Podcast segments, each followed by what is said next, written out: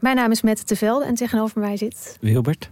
En ik heb vrij veel last gehad van neerslachtigheid, eigenlijk nog steeds wel in het leven. En depressies. En volgens mij gaan we dat proberen op te lossen. We gaan jou redden. En de rest van de mensen. En de toch? rest van de mensen. Ja. Wie redt Wilbert? Dat is de vraag. Wie helpt hem bij de kwesties en problemen van vandaag? Luister naar Wie redt Wilbert en de rest van de mensheid. Een podcast van de VPRO voor NPO Luister. De nieuwe Nederlandse musical Onze Jordaan van Diederik Ebbingen is dit najaar in de theaters te zien. Koop nu uw kaarten op onzejordaan.nl. Leuk toch? Hallo, dit is de wekelijkse podcast van de Groene Amsterdammer. Ik ben Kees van der Bos.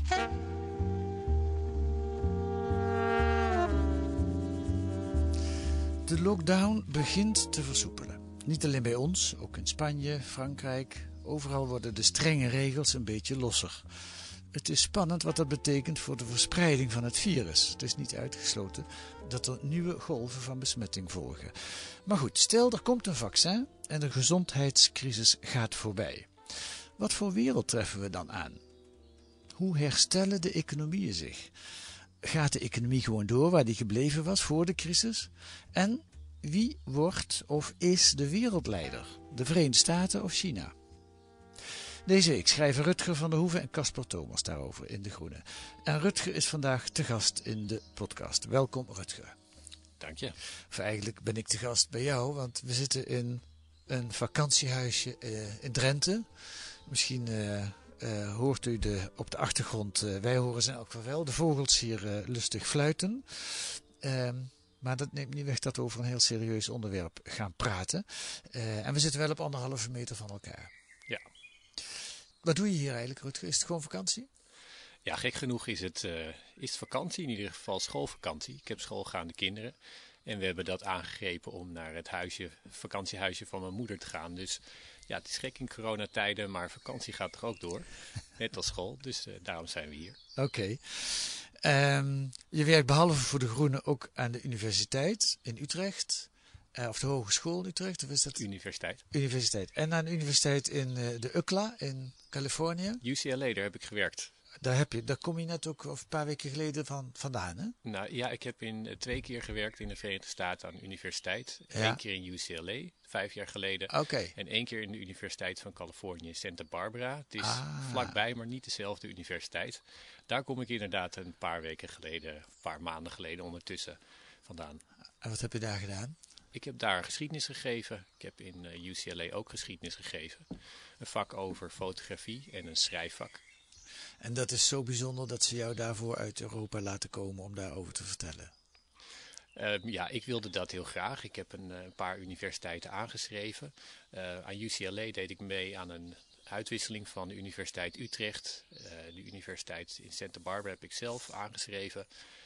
Ja, die universiteiten die huren tijdelijke staf in. En Ja. als iemand zich aanbiedt met een vak wat ze graag willen hebben, ja, dan zeggen ze soms ja, zoals in dit geval. En jouw deskundigheid, daar ben je geloof ik ook op, gepromoveerd, zit in beeld, in fotografie. Ja, geschiedenis van fotografie. Goed, dit allemaal ter inleiding. Eh, je bent verder de buitenlandredacteur van de Groene Amsterdammer. Eh, tot zover. Nu gaan we het eh, over de echte zaak hebben. Eh, de post-corona-wereld. Dat is de titel van jullie verhaal. Ehm, wat wil je in de toekomst kijken? Ja, zoiets. Ehm, nou, nou, laten we eens kijken een paar dingen die we kunnen zien.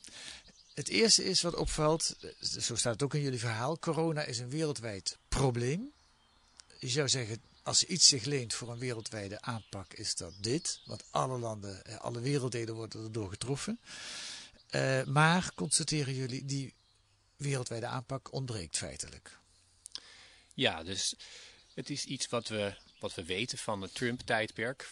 Dat er niemand de leiding neemt, dat de wereldpolitiek in, in chaos zit, dat het land wat aangewezen is om de leiding te nemen in politieke zaken dat niet doet.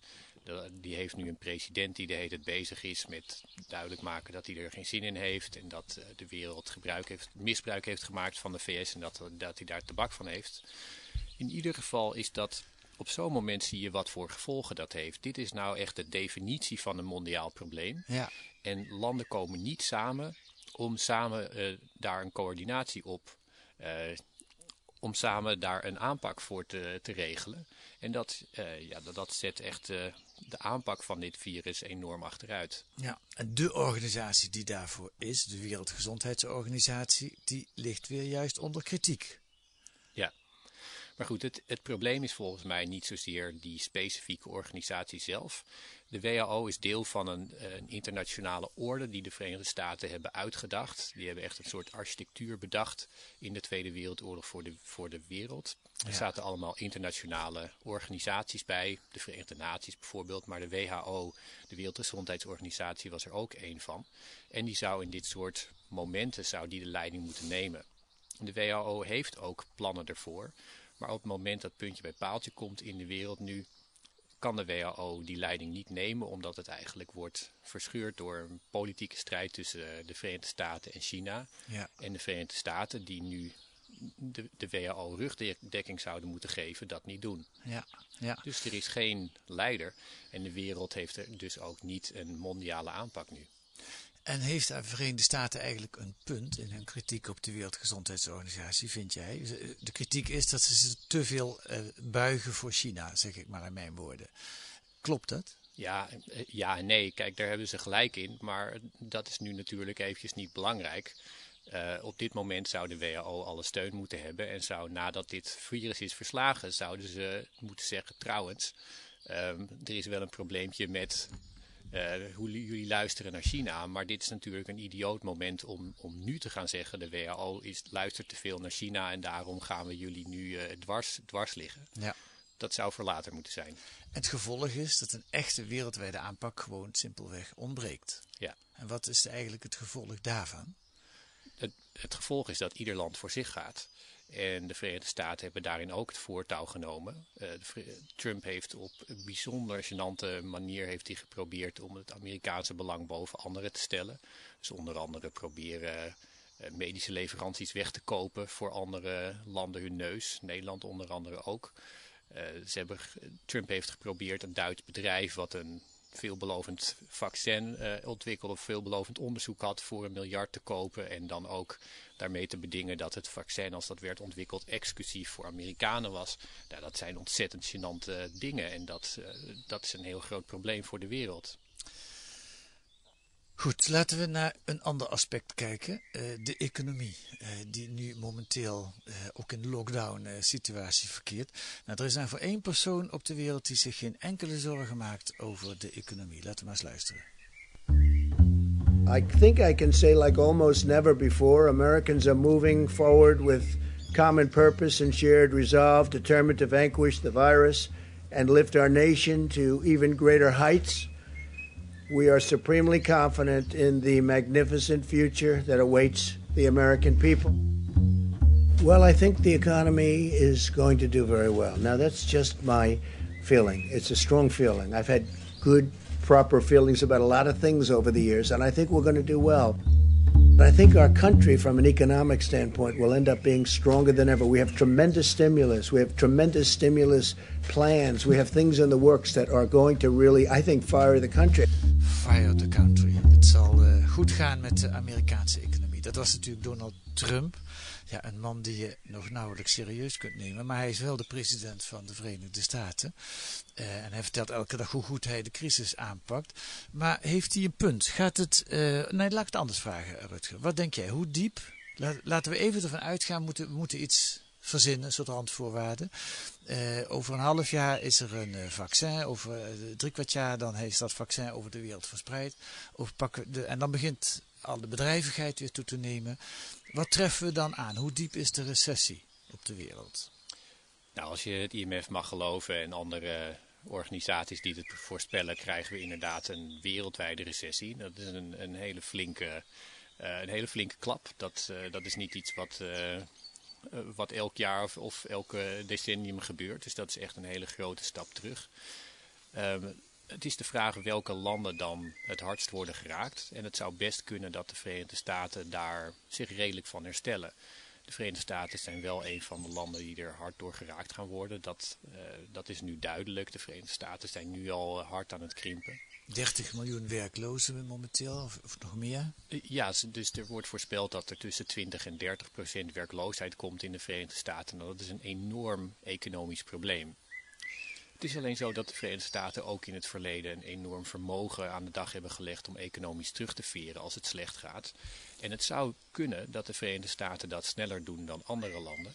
En dat de Verenigde Staten daardoor relatief uh, beter doen dan, dan sommige andere landen met wie ze, zou je kunnen zeggen, in economische competitie liggen. Dat is koffiedik kijken. Het zou kunnen zijn dat de Verenigde Staten harder worden getroffen en dat uh, ja, de, de relatieve schade aan de Verenigde Staten nog groter is dan aan andere landen. Even, laten we even kijken, wat is eigenlijk erg aan een recessie? De, het, het, grootste probleem is dat heel veel mensen geen werk hebben, denk ik. Hè? Wat, Ja. wat maakt het verder uit? We hebben producten in overvloed. Dat er wat minder producten zijn, daar lig ik niet echt wakker van. Nee, nou, ik zou eh, ook, ook zo, zo willen denken. En zo zou een normaal mens ook eh, waarschijnlijk reageren op het idee van een recessie. Van nou ja, goed, als het een tijdje wat minder gaat, ja, dan gaan we niet ver op vakantie of we geven wat minder uit. En daarna ja, eh, gaan de zaken wel weer beter. Ja. Alleen Sterker hebben- nog, het is voor een economie juist heel goed af en toe een oorlog of een flinke crisis. Want dan heb je daarna weer veel nieuwe dingen die gemaakt moeten worden. Ja, alleen is het zo dat eh, onze economie is ingericht op het idee dat je schulden maakt en daarna eh, daar de vruchten van plukt. En dat je daarna een, die schulden aflost doordat je, doordat je groeit. De economie is eh, in de, met het voorbeeld van de Verenigde Staten erg gericht op eh, schulden maken. De Verenigde Staten zijn een land wat zelf eh, enorm veel schulden heeft gemaakt, ook in het verleden dat heeft gedaan. En dat, is ook, dat, dat model is naar andere landen ook verspreid. In, in Europa maken landen ook grote schulden met het idee dat dat dan later kan worden terugverdiend. Er is een hele grote schuldenberg, zowel bij landen als bij consumenten. En die kunnen alleen worden terugverdiend als in de toekomst geld wordt verdiend en dan meer dan in het verleden aan schulden is gemaakt. Nou, als de wereld in een recessie raakt, dan is er geen enkel land waar geld over is om te investeren. Dan is er geen eh, capaciteit om dat in te lopen. Dus dat zou kunnen betekenen dat we een hele tijd lang met hoge schulden zitten en een hele tijd lang met een lage economische groei. En dat gaat heel veel mensen pijn doen. Inderdaad, de mensen die hun banen kwijtraken, waarvoor niet banen snel gaan terugkomen. Eh, situaties waarin landen heel lang zitten met een hoge werkloosheid, met lage economische groei. En die economische groei is dan niet zozeer erg omdat dat cijfertjes zijn op papier. Maar omdat echt betekent dat huishoudens zitten met schulden, dat bedrijven zijn omgevallen. ehm, en dat er, niet, dat er werkloosheid is en niet een manier om uit die negatieve cyclus te komen. Oké, maar dus de meeste pijn wordt dan toch gevoeld door die mensen die hun baan kwijtraken, denk ik. Ja, Ja. natuurlijk. Als je een miljardair bent en je hebt een, een aantal honderd miljoen minder, dan doet dat pijn, maar op een virtuele manier. Ja, maar ook jij en ik behoren tot de middenklasse, zeg ik maar even. Eh, vrees jij voor jouw eh, toekomst na de crisis? Nee, ik persoonlijk heb, ik heb twee vaste banen. En ik, ik ben zelf daarin niet iemand die, eh, die de grootste ja, prijs gaat betalen. Ik maak me veel meer zorgen voor, eh, voor andere mensen, ZZP'ers. Ja. Eh, ja, ook mensen in mijn omgeving, maar ook Nederland als geheel en mensen in, ja, die kwetsbaar zijn in zo'n recessie.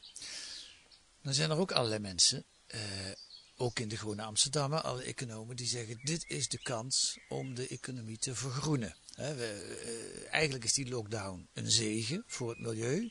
Laten we dat zo houden. Zie jij dat gebeuren? Dat de economie eh, gaat die weer gewoon aantrekken zoals die was, denk jij, of gaat er iets veranderen? Nou, het zijn twee verschillende dingen die je zegt.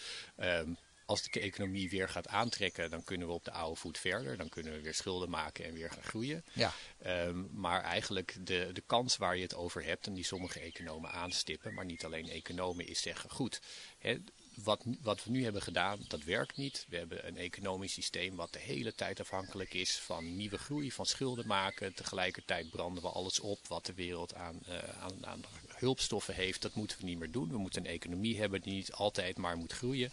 We moeten niet alles er doorheen fikken wat we aan hulpstoffen hebben. We moeten een nieuwe economie maken Ja. die niet per se hoeft te groeien en die ook niet ehm, ja, als, op een soort roof, roofbouw pleegt op, op de toekomst. Duurzamer. Nou ja, je vraag is of ik dat zie gebeuren.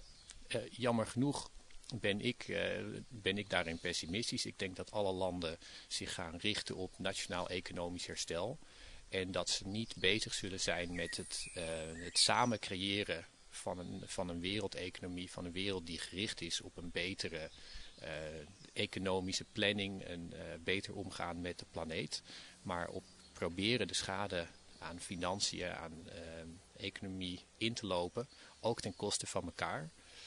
Dus jammer genoeg zie ik het niet, verwacht ik het niet, maar ik hoop het natuurlijk wel. Ja, het eerste teken, 2 tot 4 miljard in de KLM steken om die te redden, dat duidt er ook niet echt op dat er, uh, dat er een grote verandering... En dan pas achteraf een beetje sputteren over eventuele voorwaarden aan die lening. Dat ziet er niet erg revolutionair uit, zal ik maar zeggen. Nou ja, dat weet ik niet. Ik, ik denk uh, op dit moment moeten alle zeilen worden bijgezet. Ik ben er niet tegen dat KLM wordt gered. Maar goed, ik hoop ook dat andere uh, bedrijven en, en, en mensen worden gesteund. En dat inderdaad er ook plannen worden gemaakt over hoe het verder kan na dat redden van die bedrijven om de economie op een manier in te richten die bestendiger is. Goed, maar samengevat over de economie, hij krijgt een zware klap. Uh, daar gaan veel werklozen komen, veel mensen met, met kwetsbare posities zullen daaronder te lijden hebben. Uh, nou, nog één ander positief geluid. Er zijn ook mensen, eigenlijk wordt zo'n beetje stiekem het basisinkomen ingevoerd uh, op dit moment. Want de overheid springt razendsnel bij bij ZZP'ers en bij kleine bedrijven. Zou dat nog een blijvende verandering teweeg kunnen brengen? Wat denk jij?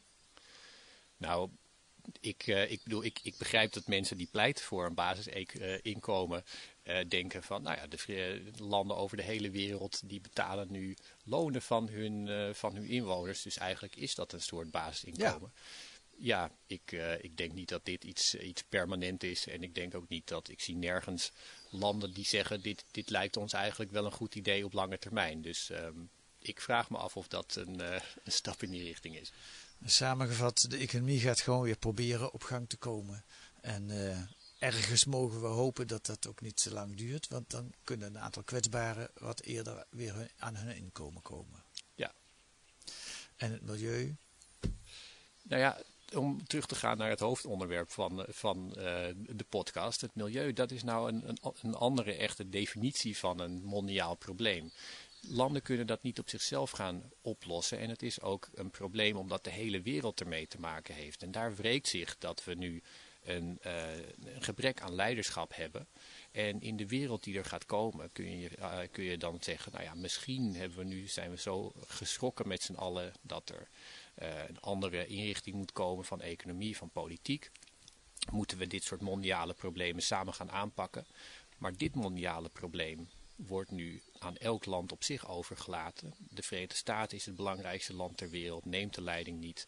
En ik denk dat op, de, op, het, op het gebied van milieu ben ik bang dat de Verenigde Staten ook die leiding niet gaan nemen. En dat er ook niet een beweging komt naar internationale samenwerking. Nee, nee we worden niet vrolijk uh, vandaag, uh, Rutger. Um, laten we eens kijken naar dat andere ding waar jullie artikel over gaat. Wie gaat in die post-corona-wereld de wereldleider worden? De Verenigde Staten of China? Nou, jij bent de buitenlandredacteur, zeg jij het maar. Um, nou ja, ik denk dat er een, een wereld aan, aankomt, dat er een wereld al gearriveerd is zonder leider. Want het enige land wat het eigenlijk kan doen op dit moment zijn de Verenigde Staten. En de Verenigde Staten die willen het niet. Um, die uh, uh, geven ook geen leiding. Landen willen ook de Verenigde Staten op dit moment niet volgen. En de internationale instituties die deel zijn van een soort internationale uh, infrastructuur, die nemen die leiding ook niet. Nee. Dus er is nu een wereld zonder leider. En ik verwacht niet dat dat verandert in de toekomst. Het is alleen zo dat als je zegt, goh, welk land blijft nou het belangrijkste in de wereld? China wil dat heel erg graag, is ook al um, ja, decennia bezig met een lange termijn plan om zijn invloed in de wereld uh, groter te maken, onder andere in de Verenigde Naties, maar ook op andere manieren. Maar China heeft nu een heel ja, slechte beurt gemaakt, zou je kunnen zeggen. Die eh, heeft zijn eigen coronaprobleem niet goed aangepakt. Dat was natuurlijk de oorsprong van corona. En is nu op een hele uh, ja, dwingende manier proberen zij hun lezing van, de, van het hele verhaal op te leggen aan andere landen. Dus dat helpt allemaal niet. Dus we ehm, zitten eigenlijk in een wereld uh, waarin we hebben wel een wereldleider, namelijk de Verenigde Staten, maar die wil het niet zijn en die doet het steeds slechter. En we hebben nog geen echte, uh, misschien wel een uitdager, maar nog geen echte vervanger. Ja, alleen is het wel zo dat je ziet dat de Verenigde Staten, die zijn een land wat zegt, oh, is er een economisch probleem? Nou, dan zetten we de sluizen gewoon open en laten we overal dollars vloeien. Ja, 2200 miljard dollar stoppen ze erin. Het is allemaal niet te, te begrijpen eigenlijk en niet te bevatten. Ja, dus zeg maar twee à drie keer de, de economie van Nederland. Dat, uh, ja, dat, dat strooien ze dan eventjes uh, de, de, de economie in. Ja. Dus ja, als, als andere landen dat aangrijpen en zeggen, nou ja, wij willen toch graag die dollars blijven hebben, dan betekent dat dat de Verenigde Staten toch de motor zijn van de, de wereldeconomie, of in dit, dit geval de drijfboei. Maar wacht even, dat snap ik niet. Als andere landen dat aangrijpen, hoe bedoel je dat? Nou, de Verenigde Staten die creëren dollars. Die, die, hebben, die, die pompen een enorme hoeveelheid virtueel geld ja. hun economie in. In Europa doet de, euro, eh, de, de Europese Centrale Bank doet niet anders volgens mij. Nee, maar op een andere schaal. Ja. En, Minder. Ja, en um, de Verenigde Staten die stellen ook deze, deze kredieten uh, beschikbaar voor andere centrale banken. En als andere uh, landen daarin meegaan, dan blijft de dollar de drijfboei van de wereldeconomie. En dat betekent dan in praktijk ook dat de Verenigde Staten het toonaangevende land blijven op dat, op dat punt. Op economisch gebied in elk geval. Ja. En dat is eigenlijk een van de, van de gebieden waarin je wereldleider toont dat je het economisch meest krachtige land bent. Ja, op dit moment is economie toch wel de belangrijkste fundament, zou je kunnen zeggen, van de internationale macht. Ja. Uh, natuurlijk is uh, een politieke invloed en militair, dat, dat speelt allemaal mee. Ja. Maar economie is op dit moment het belangrijkste. En daarin zijn de Verenigde Staten ja, nog steeds um, de grootste, de, de zwaarste man in het circus, zoals we schrijven. Ja, de zwaarste man in het circus. Maar dat geeft ook een beetje het vacuüm aan, of vacuüm, dat is niet het goede woord, maar de rare situatie waarin we zitten. Dus de economisch machtigste man, de zwaarste man in het circus, die gedraagt zich verder als een onbeschoofde hulk. En die trekt zich niks aan van hoe het circus bestuurd wordt en allerlei internationale organen daar rondomheen. Die, die is alleen maar economie, verder niks. Ja, inderdaad. Die, die laat het, eh, de politieke leiding van van de wereld helemaal liggen. En andere landen die uh, vinden het ook een gênante vertoning. Maar er is nu eventjes niet een alternatief voor. Nee. En dat was, misschien moeten we dat even goed op een rij zetten. Sinds de Tweede Wereldoorlog, toen is de Verenigde Staten eigenlijk wereldleider geworden, denk ik. Ja. En na de Tweede Wereldoorlog zijn er al die instituties opgericht. De Verenigde Naties is er zelf eentje van. De Wereldbank, de Wereldgezondheidsorganisatie. Al die instituties die de laatste jaren aan macht aan het inboeten zijn aan betekenis aan in moeten zijn. Ja, het is een interessant verhaal. Dus Amerikaanse planners hebben echt uh, een, een soort uh, uh, plan voor de wereld uitgedacht tijdens de Tweede Wereldoorlog. zijn gaan samenkomen. Bijvoorbeeld in Bretton Woods is een, is een goed voorbeeld. Dat is dan zo'n plek waar, waar de basis is gelegd. Waar ligt het ook in Engeland? in het noordoosten van de, van de VS. Oh, en dat dan okay daar is de basis gelegd voor de wereldeconomie na de Tweede Wereldoorlog. En al die instituties zijn uitgelegd. Inderdaad ook de Verenigde Naties. Een heel soort infrastructuur. Ja. Maar ja, die hapert. De Verenigde Naties zijn totaal afwezig in deze, in deze crisis. Ja. Er zijn geen VN-toppen waar, uh, waar uh, noten worden, worden gekraakt. Er nee. is geen, uh, geen leiding. Nee. En het andere land, wat, wat de Verenigde Staten een beetje uit begint te dagen op economisch terrein, China, die, uh, ja, kun je dat zien? Dus economisch, ze groeien, ze groeien, ze groeien. Dus er komt een moment dat ze even groot zijn als de Verenigde Staten, of misschien de Verenigde Staten voorbij streven. Wanneer verwacht je dat dat gebeurt eigenlijk? Nou ja, wij hebben in, in ons artikel uh, citeren we een, een, econoom die het pas over, uh, over drie decennia verwacht. Maar 2050, meeste, ja. Ja, de meeste projecties leggen dat wel eerder. Ja. Um, maar goed, de vraag is dan wat het precies betekent als de hele wereld zich toch uh, blijft richten naar, naar de dollar als leider dan is het de vraag of China ermee de, ja, de centrale positie krijgt die het zou willen. Maar het, is, het is ontegenzeggelijk dat China eh, heel sterk aan, aan gezag heeft gewonnen de afgelopen ja, 10, 15 jaar. En dat ook het, het zwaartepunt, zou je kunnen zeggen, van politiek en economie in de wereld zich verplaatst naar Oost-Azië. Ja, en moeten we daar bang voor zijn? Ehm, nou, uh, ik moet zeggen, deze coronacrisis heeft me daar wat, uh, uh, ja, wat, wat bezorgder over gemaakt dan eerst. Ik vind dat China heeft zich bepaald niet een, een, een, modelleider van de wereld getoond. Zoals ze dat um, ja, proberen te projecteren als een verantwoordelijker en stabieler land dan de Verenigde Staten. Ja. Erg gericht op hun eigen reputatie. op het opleggen van hun versie van de, van de zaak aan, aan landen die dat zouden moeten volgen en strafmaatregelen uh, voor, voor landen die dat niet willen. Nee, ik vind dat niet zo, uh, zo mooi eruit zien. Nee. Opnieuw worden we niet vrolijk, uh, Rutger, terwijl we hier toch zo heerlijk in dat zonnetje in, in Drenthe zitten. Nee, je zou kunnen zeggen, er, als, als landen hun eigen plan trekken, dan betekent dat ook dat we daar minder afhankelijk van zouden kunnen zijn. De Europese Unie blijft een, een zone die, waarin ja, met veel ruzie onderling, maar toch, uh, toch samenwerking is. In Nederland zitten we natuurlijk in een land wat zich, uh, ja, als, als we het vergelijken met landen in de wereld, zitten we toch op uh, een van de plekken waar we het best voorbereid zijn op schokken als deze. Hm. Dus ja, dat is wel iets om, om vrolijk van te worden misschien. Nou, fijn dat je het probeert in elk geval. De Europese Unie zou eigenlijk in dit gat wat er aan het ontstaan is, kunnen of moeten springen misschien. Maar ja, dan heb je weer het probleem dat, dat ze intern zo verdeeld zijn. Ja, de Europese Unie die beweegt heel langzaam. Ik moet zeggen, de, dat er geen Europese aanpak is, klopt niet echt. Duitsland doet best meer dan, uh, dan je zou, ja, dan op het eerste uh, dan op het eerste gezicht lijkt. Duitsland heeft niet alleen patiënten aangenomen uit Nederland, maar ook uit Frankrijk. Uh, andere Europese landen geeft op een uh, ja, minder openlijke en, en minder ehm, politieke manier leiding dan de Verenigde Staten zouden doen. Uh, het grote vraagstuk hoe het nou moet met geld, ja, daarin, daar komen de Europeanen uh, niet dichter bij elkaar, alleen maar verder van elkaar af. Hm. Maar tegelijkertijd blijft het een unie die werkt en waar alle landen zich uh, nog steeds met ja, graag aan conformeren. Kortom, het zijn spannende tijden waarbij de drie potentiële grootmachten op, al, al, elk met hun eigen problemen kampen. Ja. En waarbij we de komende decennia zullen zien wie er gaat winnen.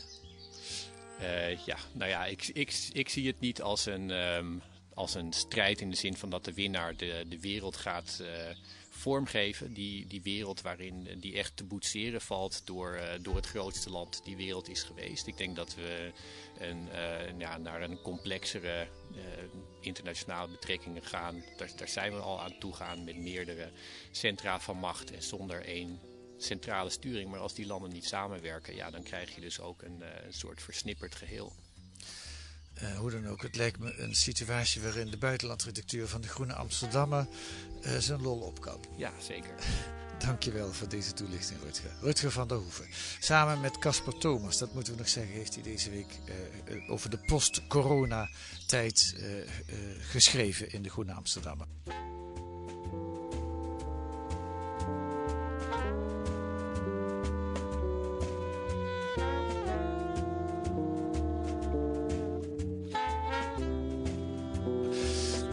Ook een essay van Abraham de Zwaan, waarin hij 10 mei 2020, dus 10 mei dit jaar, vergelijkt met 10 mei 1940. Alleen collectieve actie kan volgens hem een catastrofe voorkomen.